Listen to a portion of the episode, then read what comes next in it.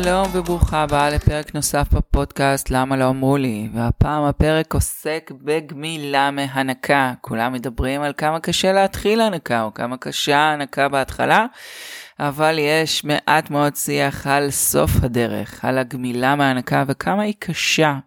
לא בהכרח במובן הפיזי אלא גם במובן הרגשי. אז שלום וברוכה הבאה, אני שרית פאר, אחות מוסמכת ויועצת הנקה מעל 18 שנה, מלווה אימהות בתהליכי הנקה והורות ראשונית, מלווה גם כאחות פרטית אחרי ניתוח קיסרי וכאחות לילה. ובואו נצלול לדבר הזה שנקרא גמילה מהנקה. ובואי נתחיל מהשאלה הראשונה שאני נשאלת די הרבה, מתי זה הזמן הנכון לגמילה?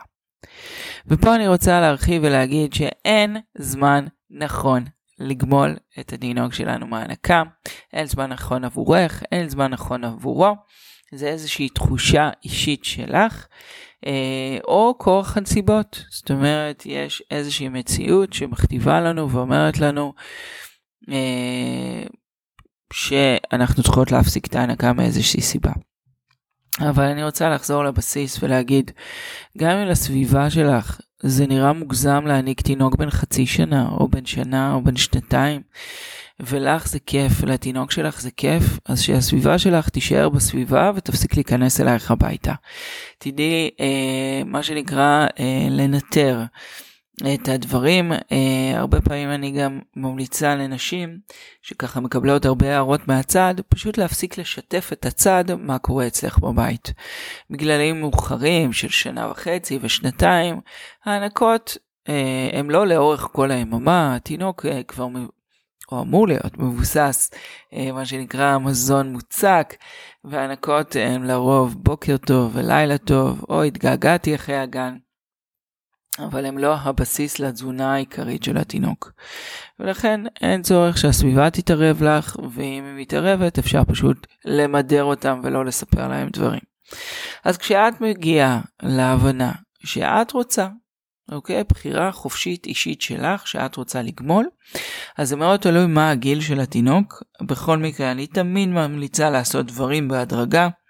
כאשר יש לנו תינוק קטן שכל התזונה שלו תלויה בהנקה, אז הגמילה צריכה להיעשות מאוד בהדרגה, וגם משהו אחר אמור להחליף את ההנקה.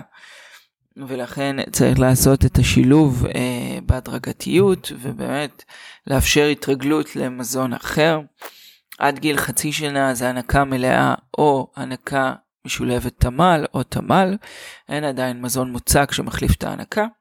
מעל גיל חצי שנה המזון המוצק אה, מתחיל להיכנס כארוחות ובעצם להחליף את ההנקות ואז בעצם מתבצעת אה, גמילה הדרגתית וטבעית מההנקות במהלך היום.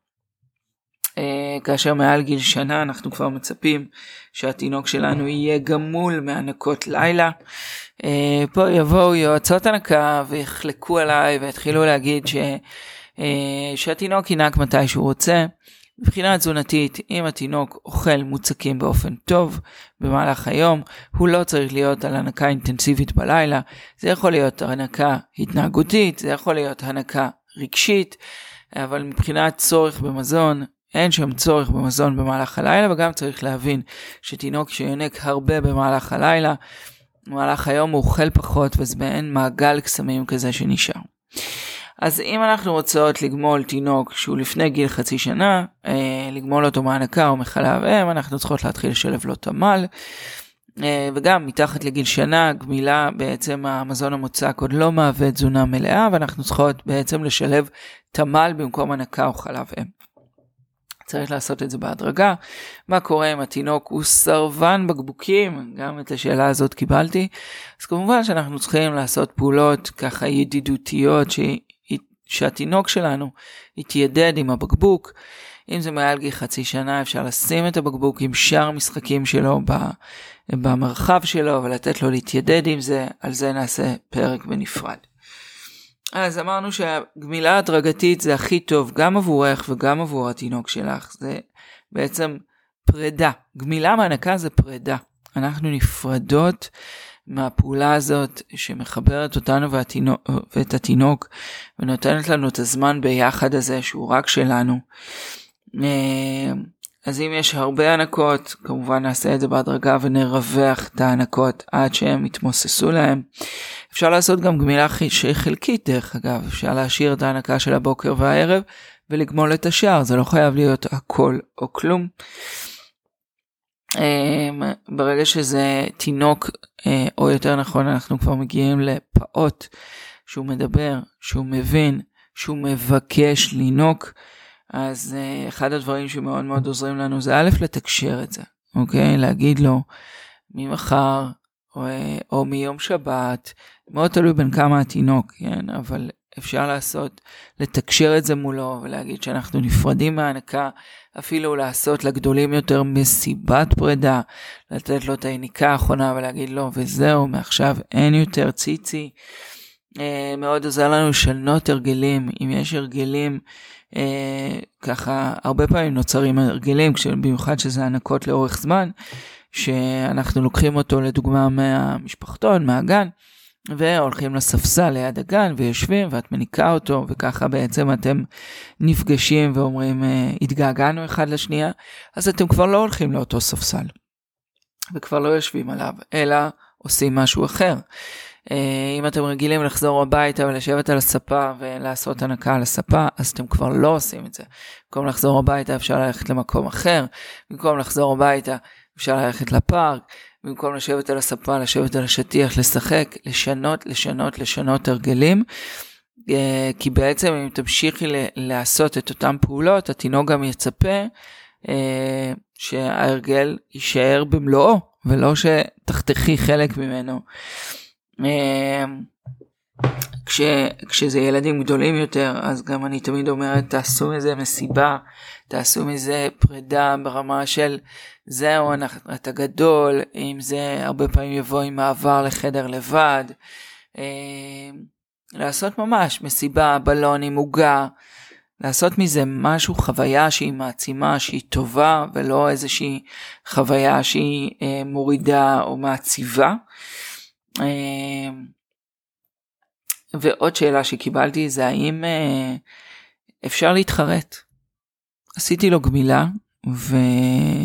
ובא לי לחזור להעניק אותו. אז זה מאוד תלוי בפער בין הגמילה לבין התחושת רצון שלך לחזור להעניק וגם כמה זמן הענקת. אם בעצם אה, אה, הענקת לאורך זמן וגמלת ואחרי שבוע החלטת שאת רוצה לחזור, יש מצב שתצליחי ותחזרי להעניק אותו כאילו לא קרה שום דבר. אבל צריך להבין גם שאם זה תינוק שהוא גדול את גם נורא מבלבלת אותו.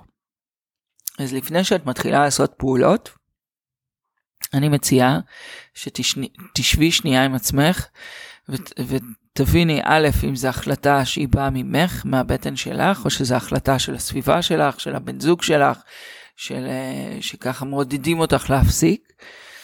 אה, אם זו החלטה שלך אז את תהיי שלמה איתה ולא יהיה שום שאלה אחרי זה אם לחזור או לא לחזור אבל אם זו החלטה של הסביבה שלך ילווה אותך כל הזמן תחושת החרטה ואפילו עצבות שעשית מעשה את זה ובעצם אה, הפסקת למרות שלך היה מאוד נעים וכיף, לתינוק שלך היה מאוד נעים וכיף, רק לסביבה היה פחות נעים. אבל הסביבה זה לא אנחנו ובואו נשאיר אותם בסביבה.